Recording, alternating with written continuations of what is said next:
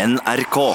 Som barn flyktet Leo Ajkic fra borgerkrigen i Jugoslavia. Etter fire år på flukt kom han til Norge som elleveåring. Han har gått fra å være en outsider til å bli folkekjær, og i dag er han en av landets mest kjente musikkbakmenn og TV-profiler.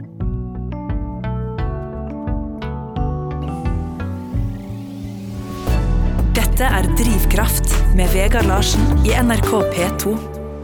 Leo Ajkic, velkommen til Drivkraft. Tusen takk, altså. Hvordan har du det? Mm, greit. Ja, var, var litt røff start på morgenen, skjønte jeg. Mm. Noen som pusser opp uh, soverommet mitt. Det har vært en lekkasje, vet, det har tatt nesten et år å få alt i gang på noe forsikringsselskap. På noe, du vet, ting tar tid. Så du blir kastet ut av eget soverom. Nei, ja, på en måte. På en måte. Det er sant. Hva, hva, altså jeg beskriver deg som folkekjær her i introen. eh, Hva, hva tenker du om det? Liker du det, å bli kalt folkekjær? Det har ikke noe imot det, liksom. Det er bedre å bli kalt folkekjær enn hatet av de fleste. Velkommen til oss. ja. Men eh, det er jo, det er jo jeg, jeg vet jo på en måte hvorfor. Jeg har jo lagd et par prosjekter, noen serier som har blitt godt tatt imot sammen med meg, på en måte. Ja. Er det eh, Hvordan er en typisk morgen for deg, da? Er du en morgenfugl? ja, jeg har mye energi om morgenen, egentlig. Jeg har litt sånn ADHD og litt ting, og da liker jeg å få ting gjort. Så i de siste tre-fire månedene så begynner dagen med trening. En-to timer trening som oftest. Hva slags trening, da? Nei, sånn gruppetrening med folk. Med venner. ja. Så da, da, da, da jeg blir sliten i hvert fall. Helt svett. Og så Sommerkroppen 2020? Nei, tjue- nei, det er ikke det som er drivkraft her. Det er egentlig om å leve lenger og Ja. om om å nyte livet. Tenk hvis jeg en gang pensjonerer meg, har jobbet hardt, så plutselig får ikke jeg slappet av der, for i dag kommer helseproblemene. Så det er en slags føre-var-tenking? Ja, forebyggende. ja, men, men for å kunne leve sånn som jeg har lyst til å leve, for å kunne Ikke det at jeg går ut og fester hardt, men for å ikke tenke på hver matbit du spiser, og for å ikke være helt paranoid, så føler jeg når jeg har trent litt, så, så kan jeg slappe av senere på sofaen og gjøre andre ting som føles av og til dårlig hvis ikke du har gjort noe i løpet av dagen. Er det noe du har begynt med de siste tiden, eller? For å være, jeg, siden jeg var liten, så har jeg alltid vært vant til å ikke nødvendigvis trene fysisk sånn sommerkroppen 1998, eller hva det var den tiden. Men med tanke på å være med folk, gruppetrening, basket, gjøre ting sammen, lagspill, gjøre fysiske aktiviteter. Men så har det vært en periode der jeg har jobbet, der jeg ikke har hatt rutine til å kunne være med på en baskettrening hver tirsdag, for jeg jobber med forskjellige ting jeg kan ikke trene Kanskje jeg kan være med tre tirsdager i et halvt, på et halvt år, og da blir jo individuell trening noe jeg kan heller gjøre. Og det ble det ikke noe av. Ja. Jeg greide ikke å disiplinere meg sjøl på en måte. Men nå har jeg hatt litt sånn tid, pause mellom opptak, der jeg har valgt å være litt hjemme og ikke reise, litt, ikke reise rundt. Og da passet det å bare plukke opp treningen. Eh, Jeg, jeg har sett dokumentarseriene dine, og du er jo eh, liksom tilbake i tid eh, også en, en hiphoper. Og, og jeg, jeg ser jo at du altså Du er jo en, du er en klemmer, er du ikke det? En klemmer, hva er det? En klemmer. En som klemmer folk. Mm, Nei, egentlig ikke. Jeg, ikke. jeg og mine venner er ikke så Ja, vi hilser på en annen måte enn sånn hei, hei, går det bra med deg? Men jeg liker ikke personlig Jeg er ikke så mye nærhet med, med folk rundt meg. Det er ikke sånn at jeg jeg, jeg er ikke så Du er ikke så klemmete. Nei, jeg er ikke så fysisk av meg. Og ikke sånn at jeg leker slåss med venner. Og jeg, ofte jeg ikke åpner den døren. Jeg ser noen andre gjøre det, men jeg liksom, jeg tar litt avstand, for jeg er ikke så ja. Men det betyr ikke at jeg Jeg har ikke noe imot folk som er sånn, eller noe sånt. Det er bare jeg Ja. Ja. Er vi mer klemmete i Oslo enn i Bergen, tror du? Nei, Jeg vet ikke. Det har jo blitt litt mer klemmete feminint samfunn generelt. Alle har jo blitt litt mer sånn klemmete og kosete og, og glad i deg, Vib. Og det er jo bare kult, det. Ja. Du, de, de, de siste åra har du jo laget eh, Ja, du har laget mye da på TV, men du har laget spesielt to dokumentarserier som har fått mye positiv oppmerksomhet. Den ene var Flukt, som handla om hverdagen til flyktninger i Europa. Mm. og den andre var Uro, som handla om folks uro, rett og slett. Yeah. Altså bekymringer for terror, klimaendringer, innvandring. Eh, men nå så veit jeg at du er i gang med et slags forarbeid til en serie om narkotika. Mm. hvorfor er det et tema som interesserer deg? Mm, alltid interessert meg. Og pluss jeg føler at eh, det er et tema unge folk eller andre må ut av NRK og, og disse kanalene vi har å tilby for å lære mer om. Du må på YouTube og se alternative kanaler. Til og med utdanningen på skolen det er ikke nok. Det er enten skremselpropaganda, eller så er det liksom Så på en måte folk Litt sånn som det var med sex før i tiden. Sant? Litt sånn som når Trekantserien kom og tok opp sex og snakka om sex. Og, sant? Så føler jeg det er på tide med en sånn serie som snakker litt om rus og andre ting. fordi På en mer ja, jeg, balansert jeg, jeg har manglet sånn som jeg har vokst opp, jeg har manglet en fet serie som forklarer meg om rus fra forskjellige perspektiver, om forskjellige typer rusmidler, der jeg blir kjent med forskjellige mennesker som kanskje går gjennom en prosess pga. disse rusene. Fordi de som ofte sammenligner jeg rus med innvandring, eller med noe der du putter noen i en bås og bare stigmatiserer noe. Skjønner du? Sant? Samtidig som man har si- det er akkurat som innvandring. For og imot. ja, For og imot rus. Ja, for og imot rus, sant? skjønner du? Men det er mer enn det. Hva er vi for, hva er vi imot? Hva kan vi gjøre bedre? Kanskje naboland eh, eller folk rundt oss gjør noe bedre for visse mennesker rundt oss enn det vi gjør i en situasjon som handler om rus, f.eks. Eller å falle utenfor pga. rus. Men tenker du at det er noe alle vet eksisterer, og at mange, mange driver og ruser seg, men så velger man bare å lukke, lukke øynene til det og late som det ikke eksisterer i samfunnet, liksom? Eller i NRK også, Nei, tenker du? nei, kanskje jeg føler det er ingen sitt ansvar for å Eller de som kanskje har ansvaret å lære oss om det, ikke har, eh, har greid det skikkelig eller gidd skikkelig. Eller kanskje de har en annen agenda. Deres agenda er kanskje nei til dette, fordi det er ulovlig ferdig. Men så er sannheten at ting foregår, og ting skjer, og folk faller utenfor, og vi har forskjellige rusmiljøer og rusmidler. Og hvis ikke noen tar ansvar og lærer folk om det, eller og, og lærer og, og mange, mange har meninger om disse tingene, men kjenner ingen. Folk som har uh, folk i familien som faller utenfor på noe rus, eller som ruser seg, eller noen andre ting, de kanskje relaterer mer og forstår andre folk. Så ja, bare bli kjent med noen mennesker som er i forskjellige situasjoner, og litt forskjellige typer rusmidler. Og så foregår jo det det er en del ting ute i samfunnet med tanke på politikk, eh, valg, eh, som, som også kan bli tatt opp. Hva tenker du om norsk narkotikapolitikk, da? Jeg vet ikke hva jeg Altså, det er jo ikke noe Det er dårlig med tanke på Det kan bli bedre med tanke på det humane, syns jeg. Mange blir straffet. Jeg syns at eh, Ja.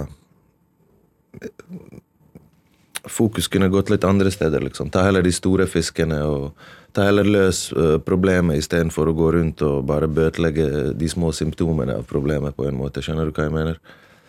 Å bruke masse ressurser på heller pedofili og andre ting enn ja, kids på, på hjørnet, og du skjønner hva jeg mener? Hva hva, altså, sånn, når du lagde eh, serien Flukt, da, som, som jo handlet om flyktninger i Europa, hva, hva var målet ditt med den serien? Målet mitt var liksom Jeg, fikk min idé fra én setning jeg hadde når jeg jobbet som vaskehjelp. For lenge siden, før jeg begynte å jobbe i P3. Og det er liksom Vet du hva jeg har gått gjennom for å lov til å tømme boss- boss-søppelkassen din? For jeg jobbet som vaskehjelp. Ofte vi krangler om jeg kom hit for å gjøre det, kom for å ta de jobbene, bla, bla. Ikke nødvendigvis så mye om meg, for jeg kom fra krig. Det er mer ok, det er greit at du kommer hit. Men så har jeg venner fra andre land som kanskje det ikke er krig, som er mer guldigere. Men um, jeg ville bare vise veien til Norge og vise hva noen av oss har gått igjennom. Og kanskje også minne folk på hva andre norske folk har gått igjennom. Det er ikke så lenge siden andre verdenskrig. Det lever fortsatt noen folk i dag som har opplevd en krig i Norge, som er norsk. Så, så, setningen sånn 'vet du hva jeg har gått igjennom for å få lov til å tømme søpla di'? Ja, egentlig. Det er jo ikke alle som kom hit for å bli rik. De, de, de fleste flykter jo til nærområdene sine. til der det er. De fleste vil hjem igjen når det kommer til krig.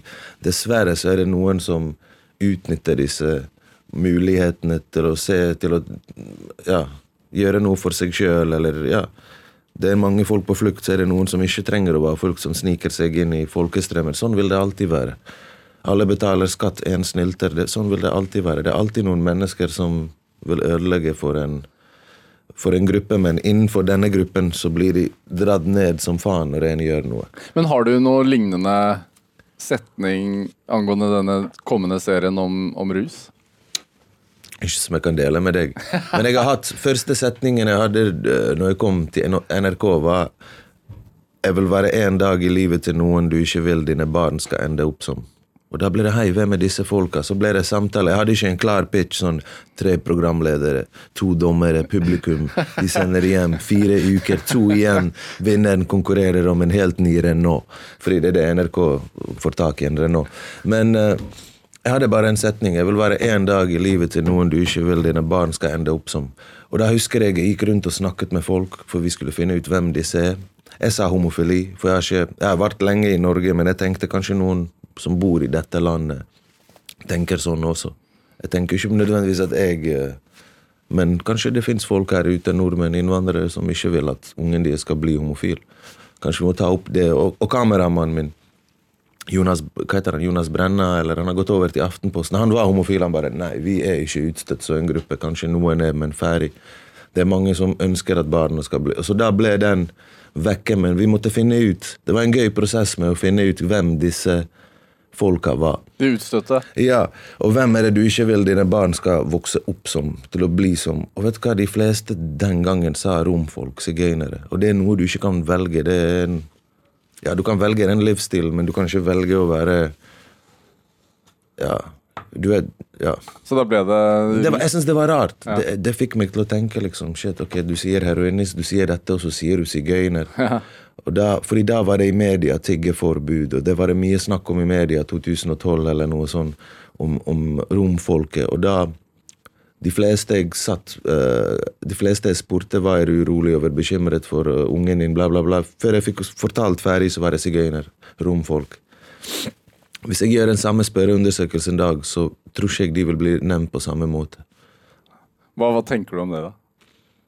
Nei, bare Jeg tenker medias makt, medias kraft. Hvordan liksom Eller ja. Ja. Du, du, um, du har sagt at det er viktig å ha kunnskap om noe for å undersøke det som programleder, for da, for da blir det mer troverdig, har du sagt. Og, og, uh, og at serien din om flukt ble faktisk mer troverdig fordi du faktisk hadde gått gjennom det sjøl. og, og det kan jeg være helt enig med deg i. Uh, men hva er din egen erfaring med narkotika, da? Nei, jeg har jo på en måte Jeg har snakket om det før, så jeg gidder ikke gå i detaljer, men jeg har jo en historie med det på en måte. At jeg har småbøter og ja, ting. Men Jeg er yngre og gjort, gjort opp for meg med samfunnstjeneste og bøter og sånn, men jeg har aldri sittet inne og vært i fengsel og sånne ting. men tenker du at det eh, gir deg mer troverdighet når du undersøker dette her? Fordi Mm, både òg, ja. Men jeg har jo genuint interesse om det, liksom. Jeg er jo interessert i mennesker fra de miljøene jeg kjenner de. Når jeg kom i Norge, jeg ble plassert i en kommunal bolig der naboen min under meg, Alf, hadde tre år igjen å leve pga. en kreft eller noe sånt. Og han var narkoman som gikk både på speed og heroin. Og når alle andre sov, så var han våken, og folk kom inn og ut av lille blokken vår med fire, liksom, fire leiligheter. Sånn mini to etasjer. Tredje var loft, tre etasjers. Og eh, ja, der var det liv hele kvelden, liksom. Og når han skilte penger og han ble ranet, så tok de vår kjellerbo, kjellerbod i samme slengene og sånne tingene. Så jeg vokste jo opp med forskjellige miljøer. Men så kommer jeg til Oslo og jobber med folk som har mer råd til meg, bor rikere, og der er det andre dop som gjelder, og der er det like mye rus, hvis ikke mer. Ja, du- Jeg har blitt med invitert for å røyke heroin i Oslo med folk i mediebransjen som jeg, jeg har aldri rørt sånne ting. Jeg har blitt invitert på kokain som det er selvfølge. Jeg har aldri prøvd det i livet mitt, liksom. Men det fins rus i alle forskjellige miljøer. ble du overrasket? Har du sett den serien Exit? Jeg har sett den, og jeg er ikke litt overrasket engang. Fordi at uh, Selvfølgelig har de tatt en del ting fra andre serier og liksom overdrevet litt for å gjøre det, for å filmatisere det. liksom Slått alle tingene sammen og fokusert på de tingene og ikke de kjedelige øyeblikkene i livene deres. Men, men det overrasker meg ikke. Og Spesielt sånne folk med masse penger. De gjør jo hva de vil. Jeg så en, eh, en sånn matserie som ligger på Netflix nå, eh, med han eh, kokken David Chang fra, fra New York. Og, og I første episode der så var han sammen med han filmskaperen Seth Rogan, han skuespilleren. Og, og eh, de, var, de var i Canada, og altså åpenlyst gjennom hele episoden så røyker de cannabis. Um, og, og det har jo, så Cannabis og marihuana har jo blitt en stor del av populærkulturen, eh, spesielt i USA, og blitt lovlig flere steder. Og, og det er jo heller ikke noe hemmelighet at en del av artistene dine også rapper om, om weed-røyking eller cannabis. Uh, tenker du at det liksom burde legaliseres i Norge? Hva jeg tenker er ikke så viktig på denne av jeg er en, også en journalist som skal jobbe med det. Ja. Hva jeg tenker er ikke det viktigste for meg heller. Jeg er mer opptatt av hva andre tenker rundt meg, og hva samfunnet og hva Jeg føler mange i dag tør ikke å si sin mening pga. posisjon, pga. jobb. Eh, Men faktisk, i min tilfelle, skal, når jeg skal lage noe om det, så går jo det utover. Hvis jeg sier noe jeg er mot legalisering, eller jeg er for legalisering, så vet jo du at når jeg går inn i noe og skal lage noe om det, så vet jo du allerede hvor det står, hvis du har sjekket dette. Og da blir jo det ensidig på en måte.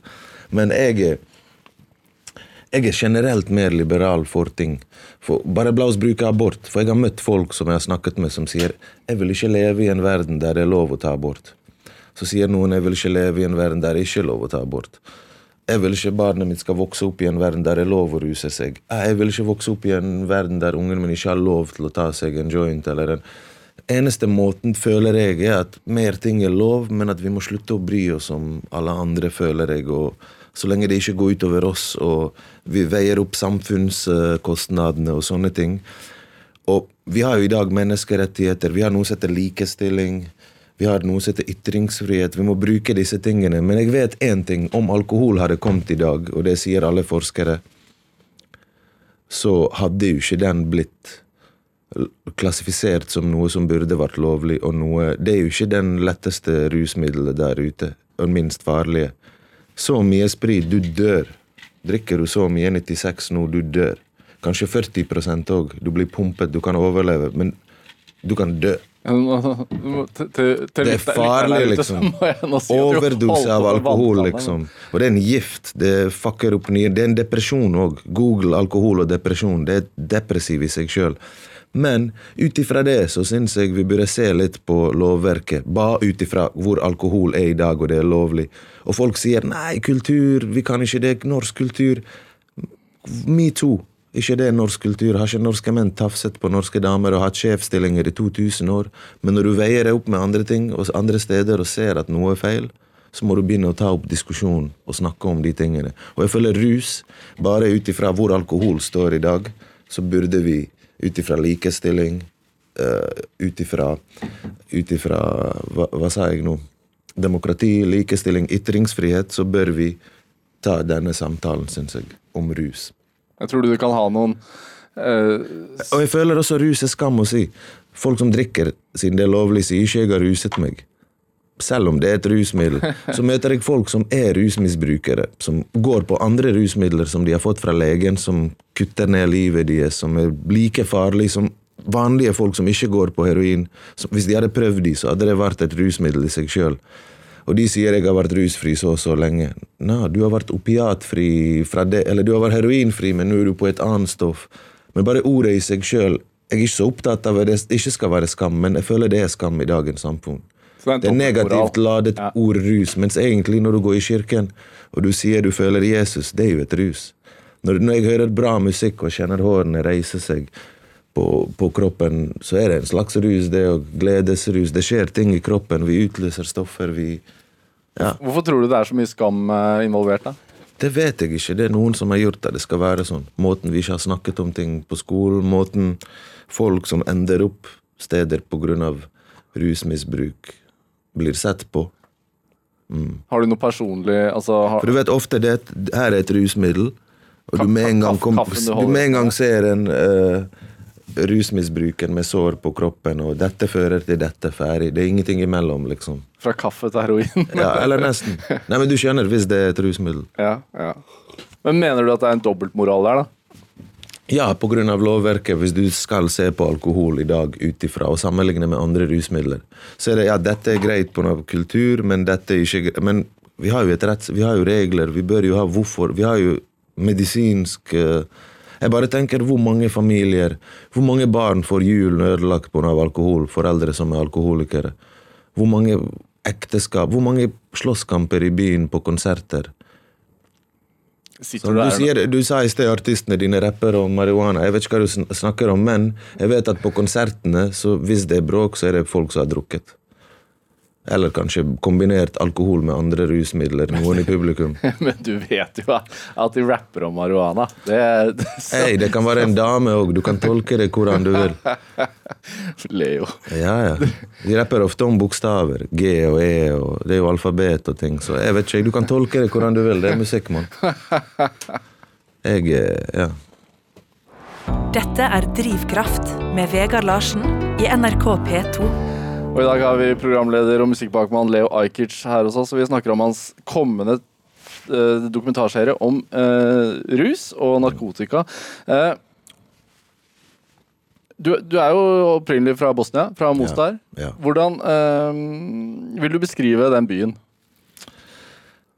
Litt annerledes dag, i dag enn det det var før. Jeg så på Instagram at du akkurat var der. eller sånn, Ja. ja, Eller sist bilde jeg la ut, kanskje, så var jeg der. ja. Mm, jeg vil si Det er ikke det samme nå som før.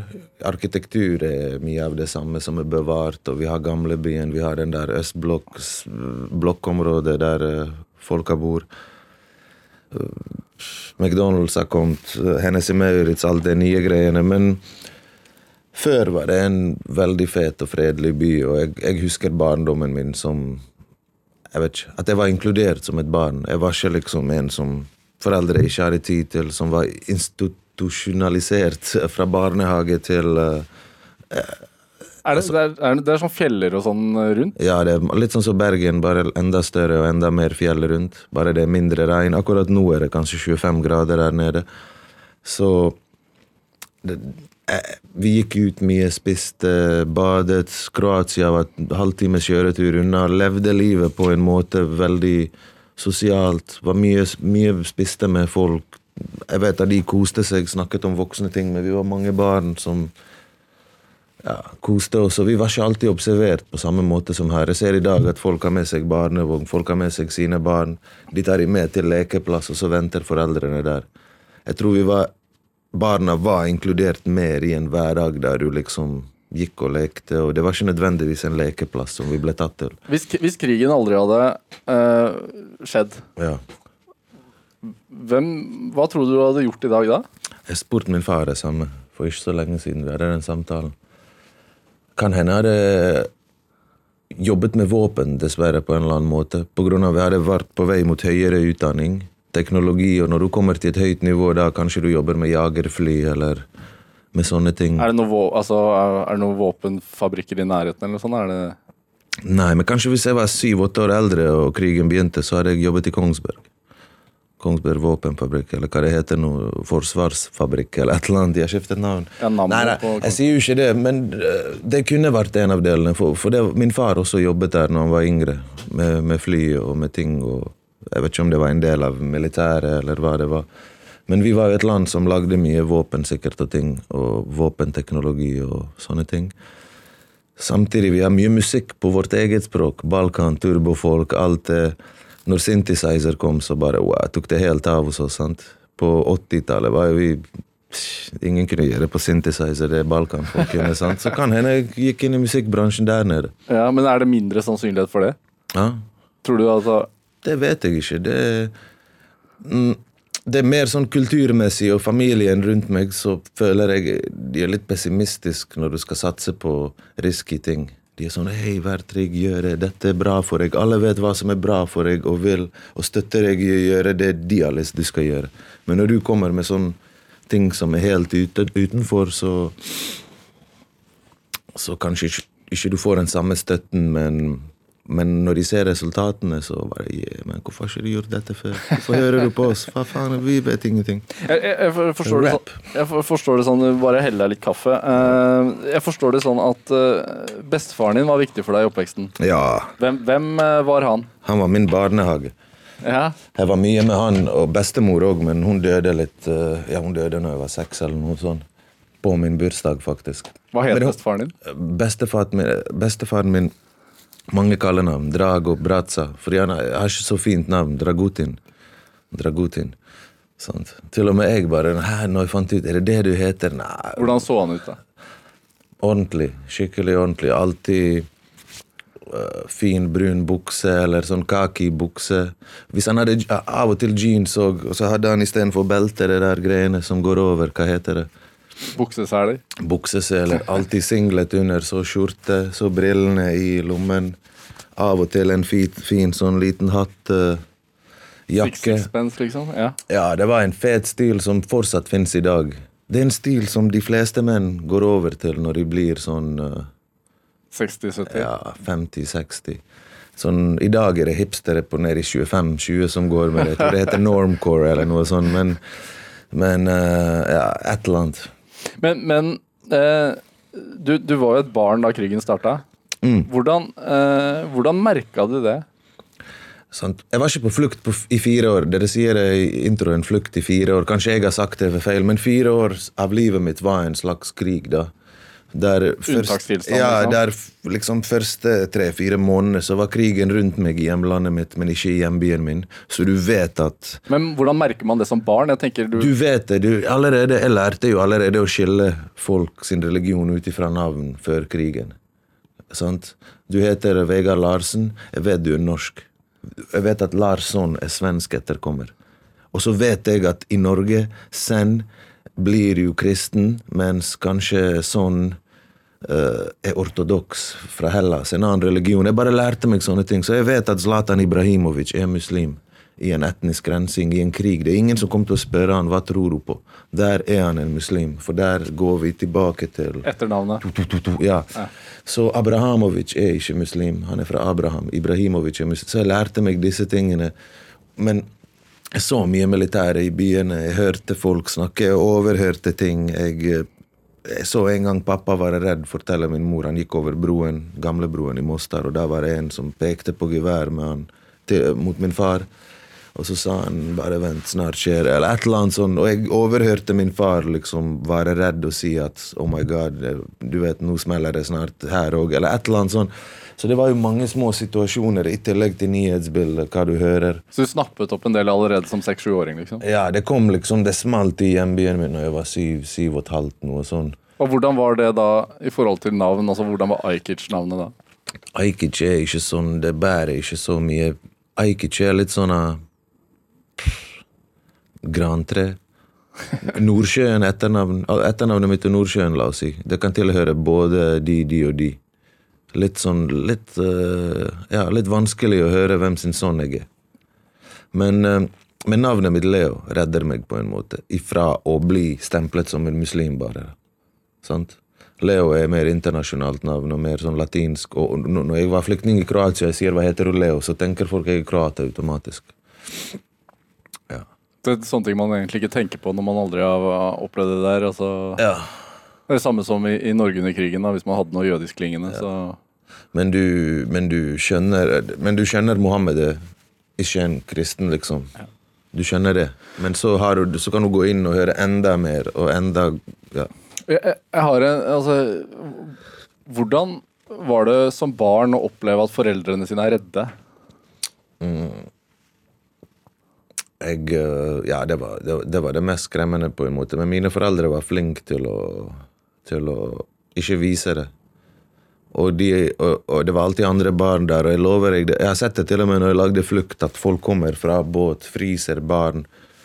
De har fått i seg te. De har, gått, altså, de har vært over en heftig reise, de holdt på å miste livet. Kanskje de har sett noen miste livet. Og barna er fem-seks år gamle. Kanskje de blir traumatisert for livet, men kun fem minutter etter at det skjedde, kanskje det kommer en ball eller en annen unge, en te og en kjeks, og så skjer det noe, og så begynner du å tenke på andre ting. Så jeg, jeg husker jeg blir redd om natten, jeg hører sirener, vi blir båret ned, full kaos til å rekke kjelleren fordi at bomber kommer og det smeller rundt oss. Men så husker jeg ikke heller når jeg plutselig treffer en gutt eller en jente, og vi spiller kort eller leker, forteller vitser eller andre ting, så det er ikke sånn at vi sitter der og Så det var bruddstykker. ja, men jeg, sitter, jeg, jeg husker et øyeblikk der vi sitter hjemme, og, og det er razzia og etnisk rensing og annen type krigsføring enn bomber. Er det liksom soldater inne i blokken som leter etter menn og, ja, og spør etter navn og sånne ting? Nei, altså, kjenner du det på kroppen fremdeles, den, den følelsen av å sitte i den kjelleren, eller er det Jeg må jo snakke ofte om det, og jeg blir jo spurt om det, så jeg har jo på en måte gjenopplevd det nok ganger til at det går bra, liksom. Ofte jeg ikke snakket om det, ikke tenkte så mye på det. Det er mer sånn jeg snakker med mine jevnaldrende venner. For det, da er det litt kult, de lurer på hvordan det er. sant? Sånn som i hiphop-miljøet, så blir jo du på en måte Wow, hvorfor rapper ikke du? Du har opplevd det, fortell det. fortell Det blir jo ikke sett på som sånn Stakkars deg, å, har opplevd krig? Å, å, fortell, var det vanskelig? Det er mer sånn Oh shit, men du burde rappet, du. Du har opplevd det. Det er, det er nesten sånn faen, du er heldig, du har livserfaring, mann. Ja, men ærlig, du får Det er litt respekt òg når folk tar imot deg og spør deg og ser opp til deg istedenfor Å, stakkars deg. Jeg eh, Det er fint å få 'stakkars deg', men da må man nesten spørre om det sjøl. Da må du si 'jeg trenger en klem', og så 'stakkars'. Du vet. Du må nesten ville det, men 'stakkars deg' hele tiden. Det kan bli sånn 'faen, jeg stakkars'?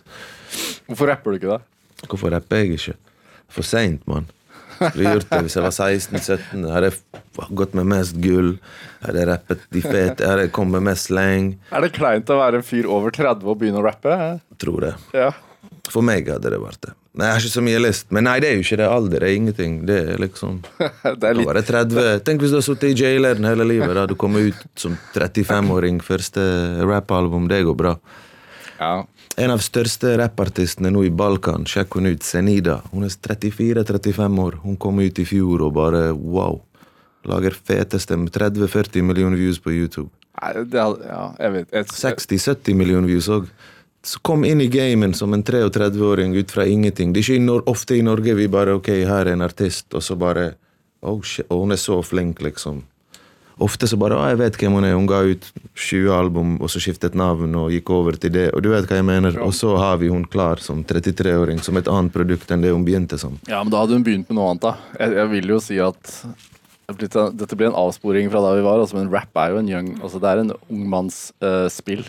Ja, men så Som 38-åring nå, jeg da, eh, fra Sarpsborg, eh, programleder i radio på NRK, ja, det hadde vært flaut. Ja, men jeg som liten likte å høre på OG-ene, de eldre, de som har noe smart å si. Men husk, Topak døde som 25-26-åring, og han var en av de som hadde mest smart å si. Så tenk hvor ung du er når du snakker som en voksen til de andre. Ja. Men så har man rappere som er aktive i dag, som sånn Som du kan lære ting av, som deler av sin, sitt liv, da. Scarface, for eksempel, en legende. Men det er ikke like kult. Han er jo han er fetere nesten nå med alderen, for det er bare som, som, som din bestefar, for du tror på han enda mer, sant? Ja. Du, når vi snakker så mye om rap, eh, jeg syns vi skal spille litt musikk. jeg. Eh, fordi du er jo musikkbakmann også, eh, og, og manager, og blant annet for Lars Vaular. Jeg er ikke manager for han, vi er venner, vi. Ja. Jeg tjener ikke en krone for noe Altså, han og meg, det er bare personlig. Bare vennskap. Vi, bruker samme logo, NMG, vi er med i samme gjeng, men han har sitt eget selskap, på en måte. Og når jeg gjester en og er med på noe, så gjør jeg det som en venn, liksom. Jeg har vært hans manager lenge før. For lenge siden. Før jeg var i NRK. Hva med King Skurk One, da? Ja, han jobber jeg med. Kamel jobber jeg med. Angelo Reira, Belizio. sant? Jonas V, Store P. Jeg jobber jo med en del folk, liksom. Ingen av de rapper om weed som vi var innom eh, før her i programmet. Vi skal, vi skal høre 'Denne veien er brolagt', hvor eh, Leo Ajkic er med med eh, noen Skal jeg fortelle om den introen? Ja, gjør det. Det er Egentlig så snakker vi i studio. Han har tatt det opp uten at jeg vet det. For han tok opp masse rare ting, sikkert med tanke på promo eller sånn. Filmet uten at vi visste det. Og da hadde jeg en rar kunstner som bodde ved siden av meg. Jeg husker en lukt. Den lukten, og jeg lukter den, det er det første jeg tenker på. Han gravde ut sånne røtter fra bakken. Og de allerede i seg sjøl hadde sånne syke former, og en så ut som en hund, en så Og jeg kunne stirre på de i timevis og bare prøve å skjønne hva de var. Og av og til modifiserte han de. Han lagt som kuttet der det trengs, og slipte for at det enda mer skal ligne på det du tror det skal ligne på. Og det lukta rart, da? Og det luktet litt sånn lakk og tre, og det er sånn spesiell lukt, så jeg pleide å gå inn der. Det var ikke mange folk som gikk inn der, for det var mer sånn I gamle Jugoslavia, vi var ikke så abstrakt. Vi var mer sånn realistisk kunst er bra. Han som tegner, og det ikke ser ekte ut, han kan egentlig ikke tegne det, derfor han leker deilig, du vet. Så realist, realisme er bra. Ja. Sterke, høye hus er- Du vet hva jeg mener, med sånn her, det var bare sånn Rett, retter med lakk er ikke bra. Ja, det her var helt sånn abstrakt på en måte. La oss høre litt på 'Denne veien her, brolagt'. Dette, dette må jo være dyre saker. Han solgte ingenting, ne? Det var det som var tingen. Han solgte aldri noe. Han lagde dette for seg sjøl. Og ingen likte det han gjorde heller. Han, hadde bare et verksted. Nei, jobber, og så pleide jeg å Han husker meg. Jeg skulle se det og shit. Så, så dette, hva faen er det, liksom? Det er crazy. Crazy. Denne veien er brolagt med gode intensjoner i en helvete stor fart på vegne av millioner. Fy fader, for en jobb. I hodet bor moner. Er som piloten på vei opp, opp for å droppe bomber. Tok en pause, skiftet drag. Er klar for andre omgang. Du må aldri tro at jeg bare sto på tomgang. Hvis du vil, spør rundt, mann. Det er lett å få mitt nummer. Ingen kommer, de bare står der og tvinner tomler. Tweeter til meg, de skal meie meg ned. Driter deg ut. Skulle hatt en fucking bleie på deg. Seriøst. Hvis du var sånn imot det nye regimet og fellesskapet, så fuck deg, liksom. NMG. Det er bare sånn jeg, jeg tenker på det. Det er sånn jeg tenker på det. er down with Yugoslavia. det er freedom. Vil. Sulten etter legene starta og slengt rundt ja. Fikk den samme kølla, brukte tid på å brett ut, ja. Hode på hode, plutselig fikk jeg en hel bunk, ja. Stæsja den på loftet til mamma med strikk rundt, ja. Hygge på en blunt med hia og litt skunk, jeg føler meg litt tung. Blir alltid et midtpunkt, egentlig aldri litt snudd, ja. For jeg får det fort tilbake, mann. Man, de kjenner meg for jeg er Kingsvik One. Det som en ekte G. Ei, for jeg har aldri likt noe politi. Ei, jeg vil heller ut noe Hennessy. For mine homies under bakken når jeg brenner weed. Denne veien er brolagt med gode intensjoner i en helvete stor fart på vegne av millioner. Fy fader, for en jobb. I hodet bor demoner, Er som piloten på vei opp, opp for å droppe bomba, Tok en pause. Ja, Du hørte Lars Vaular og King Skurk One featuring Leo Ajkic med låta 'Denne veien er brolagt'. Eh, og Du hører på Drivkraft på NRK P2, og i dag er nettopp Lea Ajkic gjest her hos meg. Eh, du, du har sagt at du opp gjennom åra har følt deg som en eh, minoritet på flere måter. Ja. Hva mener du da? Så det var først kun da jeg var liten, før krigen, jeg var en majoritet. Da var jeg en jugoslav.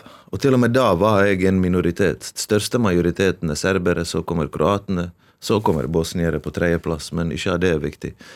Men da var ikke jeg den som kom på tredjeplass, Bosnien. Jeg var bare jugoslav. Alle var jugoslav. Jeg så på. Jeg ble oppdratt til å En bosnier er ikke en gutt med blonde øyne eller svarte øyne. En, en, eller en jugoslav er ikke en som En jugoslav er en bror, og alle er brødre og fellesskap, og sammen er vi sterkere, liksom.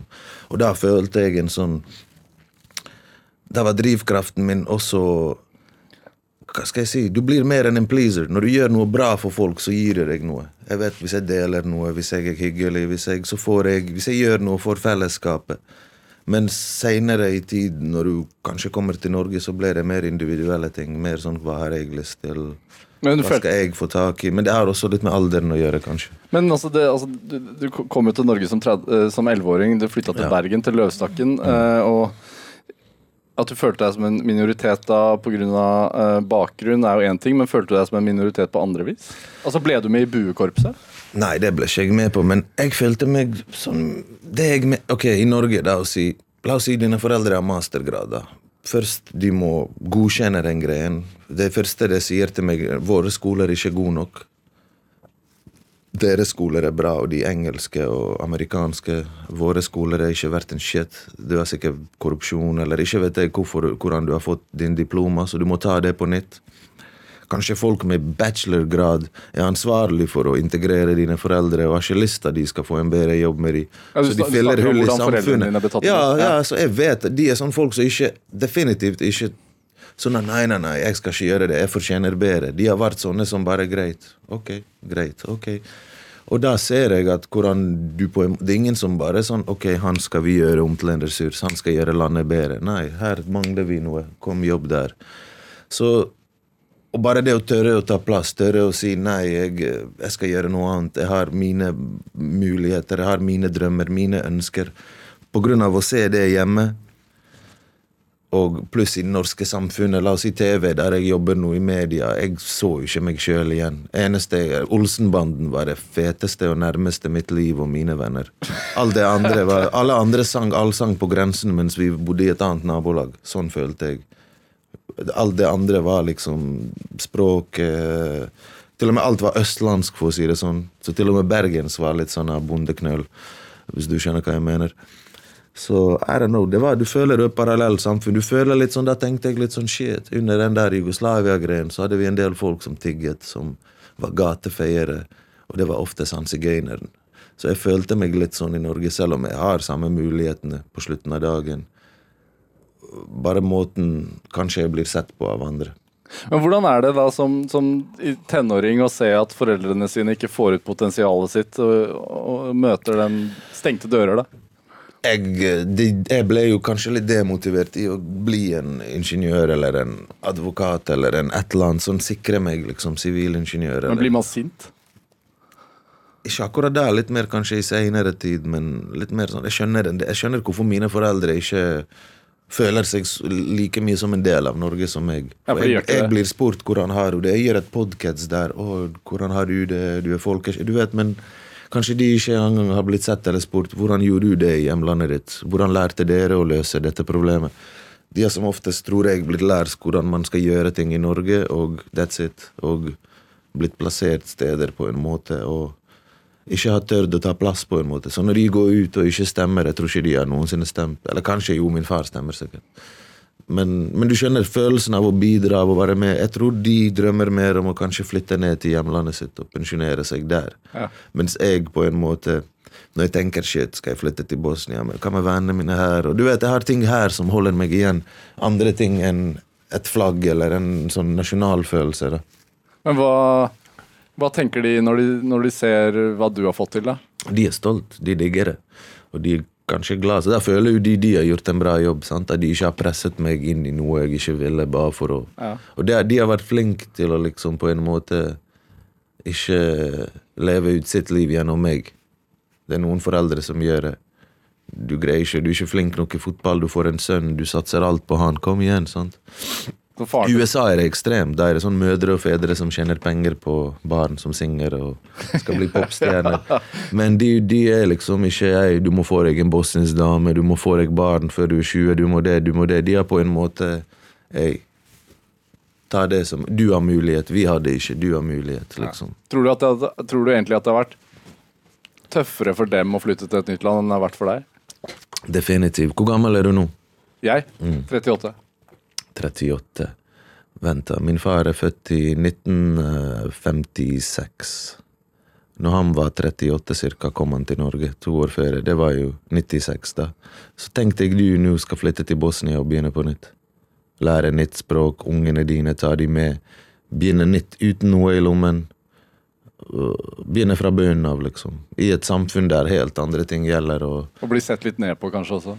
Det er ikke nødvendigvis noen ser opp til deg òg, men det er jo en følelse av å bare komme et sted og være en byrde, liksom. Eller bare være noen som folk krangler om, noen som koster, noen som tar tid, noen som kanskje lokalsamfunnet krangler på grunn Jeg vet ikke, men det er, jo, det er, jo, du føler deg sikkert litt som byrde av og til. Har dere pratet om dette når du har blitt voksen selv? Ikke så jævlig mye, liksom. Jeg ser ting og tolker ting. Det eneste jeg har snakket om, er ting og detaljer jeg deler i flukt og serier. Hvor jeg bodde, hva skjedde. For jeg har jo ikke lyst til å lyge, og samtidig jeg bruker min hukommelse ja. som en liten gutt. Ja, ja men, men mener som med foreldrene dine som voksne, altså nå når du har blitt voksen selv og kan se hvordan de egentlig hadde det da de var voksne og måtte reise. Ja, ja. Har du snakket med dem om det nå? liksom? Nei, litt, da, men vi snakker ikke så mye om det der greiene. Vi, uh, vi bare gjør ting enn å snakke ting. Ja. Vi tar oss en kaffe, lager middag, gjør ting. Vi snakker ikke så mye om ting vi har vært gjennom. Nei. Kanskje det er en kulturell greie. jeg vet ikke. Men det funker for oss, i hvert fall. Sånn er det nok i ganske mange hjem, tror jeg, uansett kultur eh, og bakgrunn. Eh, men denne, det her å føle seg litt sånn utenfor, tror du at det Altså, har du brukt det til noe, klart å bruke det til noe positivt også? Snudd det rundt? Ja, ja. Det er jo liksom Jeg var heldig, jeg var ikke han eneste gutten han som er utenfor, som blir skubbet ut, som er alene. Det var flere av oss som hadde annen stil, som hadde annen bakgrunn, som hadde som passet inn et annet sted, og da var det greit. Det var liksom nok outsidere til at vi fant hverandre. Og til slutt skjønte jeg at Norge er en sånn dalmatinerhund. Hva, hva betyr det? jeg bruker dalma, dal, Mitt hjemland også er dalmatinerhull. Du har sånne svarte flekker med ekstremisme, med forskjellig religion, med bla, bla, bla. Men sånn er det i Norge òg. Du har sånne svarte hull, ikke nødvendigvis negativ, med sånne som meg. Det er tredje kultur, der nordmenn, innvandrere har vokst opp sammen uten de problemene som blir ofte snakket om, kultur, bla, bla, bla. Der andre ting gjelder. Der liksom ikke nødvendigvis vi hører på Jan Eggum og Bjørn Eidsvåg, men foreldrene våre har interessert oss til annen musikk fra våre hjemland. Og vi har kanskje forbilder som ser annerledes ut, og ofte er det hiphop-kultur også. Men det er jo sånn, altså Hiphop-kulturen var jo en Da du ble introdusert for det og var en del av det i Bergen på, på den tiden, så, så var jo det også en minoritets... Ja, Altså, det. man, man, hvis man hørte på hiphop, så var man jo rar. Ja, men i, i, i, i den hiphopen, kanskje ikke den fire elementer-hiphopen som handler om å ikke rappe om penger og bla, bla, bla, men i ekte hiphopen, Ja. der minoriteter eh, Hvis du er en minoritet i et land som utfører hiphop, så blir du sett litt opp til. Ja. I Norge, som en innvandrer med krigshistorie, så er det nesten sånn at folk misunner deg. Men du skulle rappet. Du har mer å si enn meg. Du har livserfaring. Og det er litt fett også. sant? Men jeg tenker sånn, siden den musikkformen jo har blitt den altså nesten mest populære i Norge, Ja. og Leo Ajkic vinner priser på priser for sine TV-dokumentarer og, og måte å opptre på TV på, så altså Føler du at du liksom passer inn mer i dag enn Det er jo det. Det er jo det. Det gjør jo det når folk blir godtatt. Jeg skjønner at Dolk føler at han er mer en del av Norge, fordi når vi var små Dolk, altså gatekunstner Dolk? Gatekunst, det var jo bare kalt tagging. Alt som hadde med sprayboks, var tagging. Norge kunne faktisk kommet ut og bare wow, disse ungdommene driver med en kultur som ikke hadde fantes hvis ikke det var for den norske oppfinnelsen spray. Uh, sant? Men alt, til og med du Det ble nesten som en narkotika, som en kunst med spray, æsj. Sant? Du, I dag har du Melgaard, i dag har du sånne fete kunstnere. Men alle som gjorde med spray, var automatisk ikke inne i den verden, på en måte, følte jeg. Det var tagging, det var snakket ned om. Samme på en måte om hiphop, følte jeg. Det var liksom rapping, snakking. det var ikke sing De der kan du ikke synge, ikke rart de gjør det. sant? Så det, det, det var ikke forstått, på en måte. Så når du forstår noe, og aksepterer du noe, så tror jeg de personene også har mer aksept for samfunnet når samfunnet aksepterer de.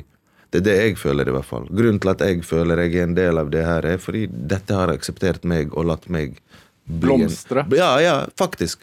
Og dette er flytende. Hvis Norge forandrer Når ting rundt meg forandrer seg, så kan jeg miste denne følelsen av tilhørighet. Jeg kan bare, jeg, jeg vil vekk fra dette fucking shitet her. Hva er det som foregår her? Jeg er Skjønner du? Fordi at Ja, men Føler du ikke nå i forhold til Sånn som Jugoslavia. Det forandret seg til å bli noe du vil vekk fra. Jo, men føler du ikke nå i forhold til den posisjonen du har, at du også har en mulighet til å eh, pro, altså, påvirke, da? Jo, men ikke nok. Om Norge skal bombe Libya, Syria eller hva som skjer, Nato-avgjørelser i det store bildet hva, Jeg har ingenting å fortelle. Jeg. Det er ikke avgjørelser jeg har å si. Jeg kan lage en sak om kan lage en sak om bompenger, kanskje det, det kan involvere. Der kan vi gjøre en for... Nei da. Men du skjønner. Ja, jeg skjønner. Dette er Drivkraft med Vegard Larsen i NRK P2. Litt tekniske problemer er det med mikk av og på, men i dag har vi programleder og musikkbakmann Leo Ajkic her i Drivkraft. Eh, Du, har- altså Du har jo hatt et uh, badboy-image uh, opp igjennom, litt i media. Altså, du har jo snakket om at da du som tenåring du uh, kunne finne på å reise på anti... Sånne, du reiste til Kristiansand for å slåss mot nazister. Du eh, Ikke- Nei, det var ikke bare på det. Vi reiste ned der for det var en lovlig graffitivegg der, og det var litt hiphop der, og det var andre ting. Men så traff vi andre folk der som hadde problemer med nazimiljøet. Og mange fra Bergen reiste og flyttet ned dit, nazister. Ja. For der kunne de blomstre. Ja, men, men også sånn gjennom media så er det jo Altså, Du har hatt artister som har vært i klammeri med politiet. Eh, du, du ble en gang, fikk mye oppmerksomhet en gang i tiden som, som ung reporter med å i en videosekvens liksom kaste en katt ut av en balkong. Eh, så det har vært noen sånne småting rundt omkring. Men, men jeg føler jo at Jeg føler liksom at Leo Ajkic har myknet opp jeg, og blitt snill. Begge deler. I begynnelsen fikk ikke jeg mulighet til å vise dere hva, at jeg er en ressurs, eller at jeg kan lage noe seriøst. I begynnelsen måtte jeg lage noe ut av ingenting. jeg, jeg tok over et program som en av mine artister skulle gjøre, men han trakk seg. Jeg tror det virket kjedelig for han. Å gå hjem til B-kjendiser, C-kjendiser i Bergen og se på leiligheten deres og intervjue dem. Og jeg hadde ordnet den dealen og alt, og plutselig tror jeg han trakk seg, og så ja, vil du gjøre det? Ja, greit, fuck it. La meg bare pisse på hele driten, liksom. La meg ta det så lite høytidelig som mulig. La meg bare For de fleste står i kø og går på audition for å komme på TV. Jeg kunne ikke brydd meg mindre, liksom. Sånn følte jeg da. Og bare, bare sånn at ingen andre tørde å ta plass, følte jeg. Alle innvandrere som var på norsk TV innen da, var liksom Migrapolis, som var noe om innvandring eller noe politisk korrekt, eller så hadde de norske navn. De var adoptert. De var et fint bilde av et Benetton-reklame, men det var ingen som snakket sånn som vi gjorde nå. Det var ingen som representerte oss. Det var ingen som gjorde shit, han kan jeg bli. Jeg, han og hun som jeg så, fortalte meg at faen, din norsk Leo er altfor dårlig til å bli godtatt. Så jeg ville være han første som var gebrokken. Jeg ville ha gulltenner. Jeg ville vise Jeg ville representere for det som foregikk rundt meg, på en måte. Kødde på selv, den- Ja, og ta med meg min bosniske humor og måte å kødde på. Ta noen vitser, bokstavelig talt, oversette det til norsk og vise det til nordmenn, på en måte. Tenker du at du har åpnet noen dører? 100 og jeg har hørt det fra flere som har gjort ting i ettertid på grunn av det jeg har gjort først, på en måte. Hva sier de da? da? Alt mulig. Det jeg har kanskje vært mest stolt av, var å høre fra en far si at liksom sønnen hans på 10-11, som ikke kunne bosnisk, har begynt å lære seg bosnisk. Og han pleide å lyge og si han er fra Kroatia til klassekamerater, det I Bergen, boss er jo søppel. Når du sier boss, det er som pakk, nesten. Pakk er jo Av og til, når du sier pakistaner, altså du kan si ordet pakk bare i seg sjøl, og det er negativt. Samme med boss i Bergen. Boss, boss er søppel, på en måte. Så jeg vet ikke. Bosnia, krigsbilder, ikke noe å være stolt av. Kanskje litt før Ibrahimovic. Men så hørte jeg en far si til meg liksom, ja, sønnen min han har faen begynt å lære bosnisk igjen. Han, liksom, på grunn av deg. Og da ble jeg stolt, liksom. At han er stolt over noe som kanskje noen så på som noe negativt. Eh, er det Altså, føler du at du har Altså, jeg bare tenker tilbake til eh, da du var eh, ung mann i, i Bergen. Altså, Drømte du om å være der du er nå, eller eh, har det bare blitt sånn? liksom, At du tok Det har bare så blitt noen sånn. sjanser og hoppet på det? liksom? Det har bare blitt sånn. Jeg drømte aldri så stort. Jeg drømte Jeg drømte liksom ærlig en liten bedrift.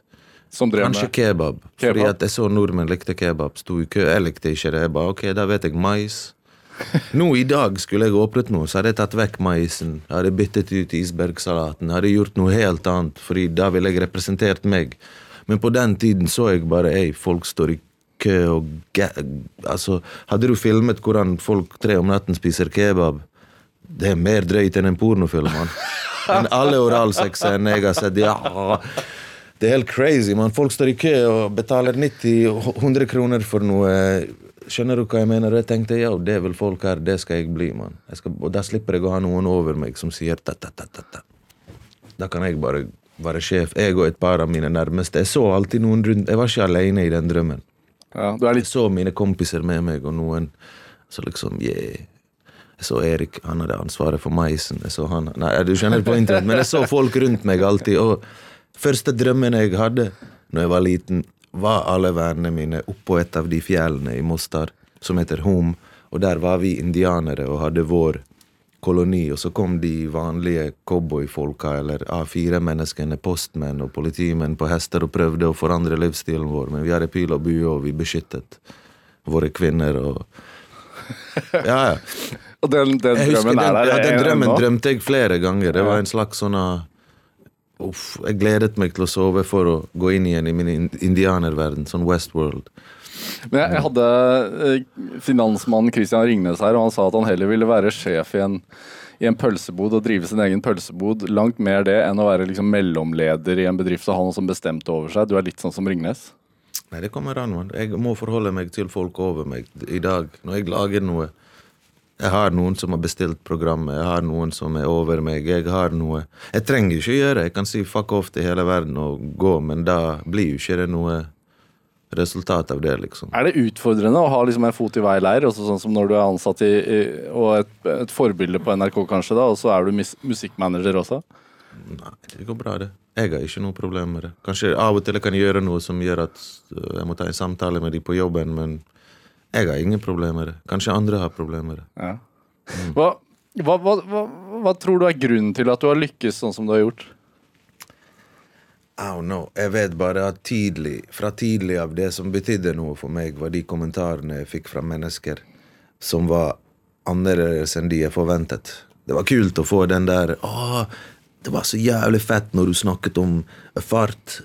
Og han trodde at han snakket om å løpe fort, men du snakket om speed, og du fikk han til å se ut som en junkie, men egentlig så er han en politiker. Wow. Det var kult å få sånne kommentarer der folk skjønte mine vitser som var ment for et visst miljø, eller ikke vet jeg.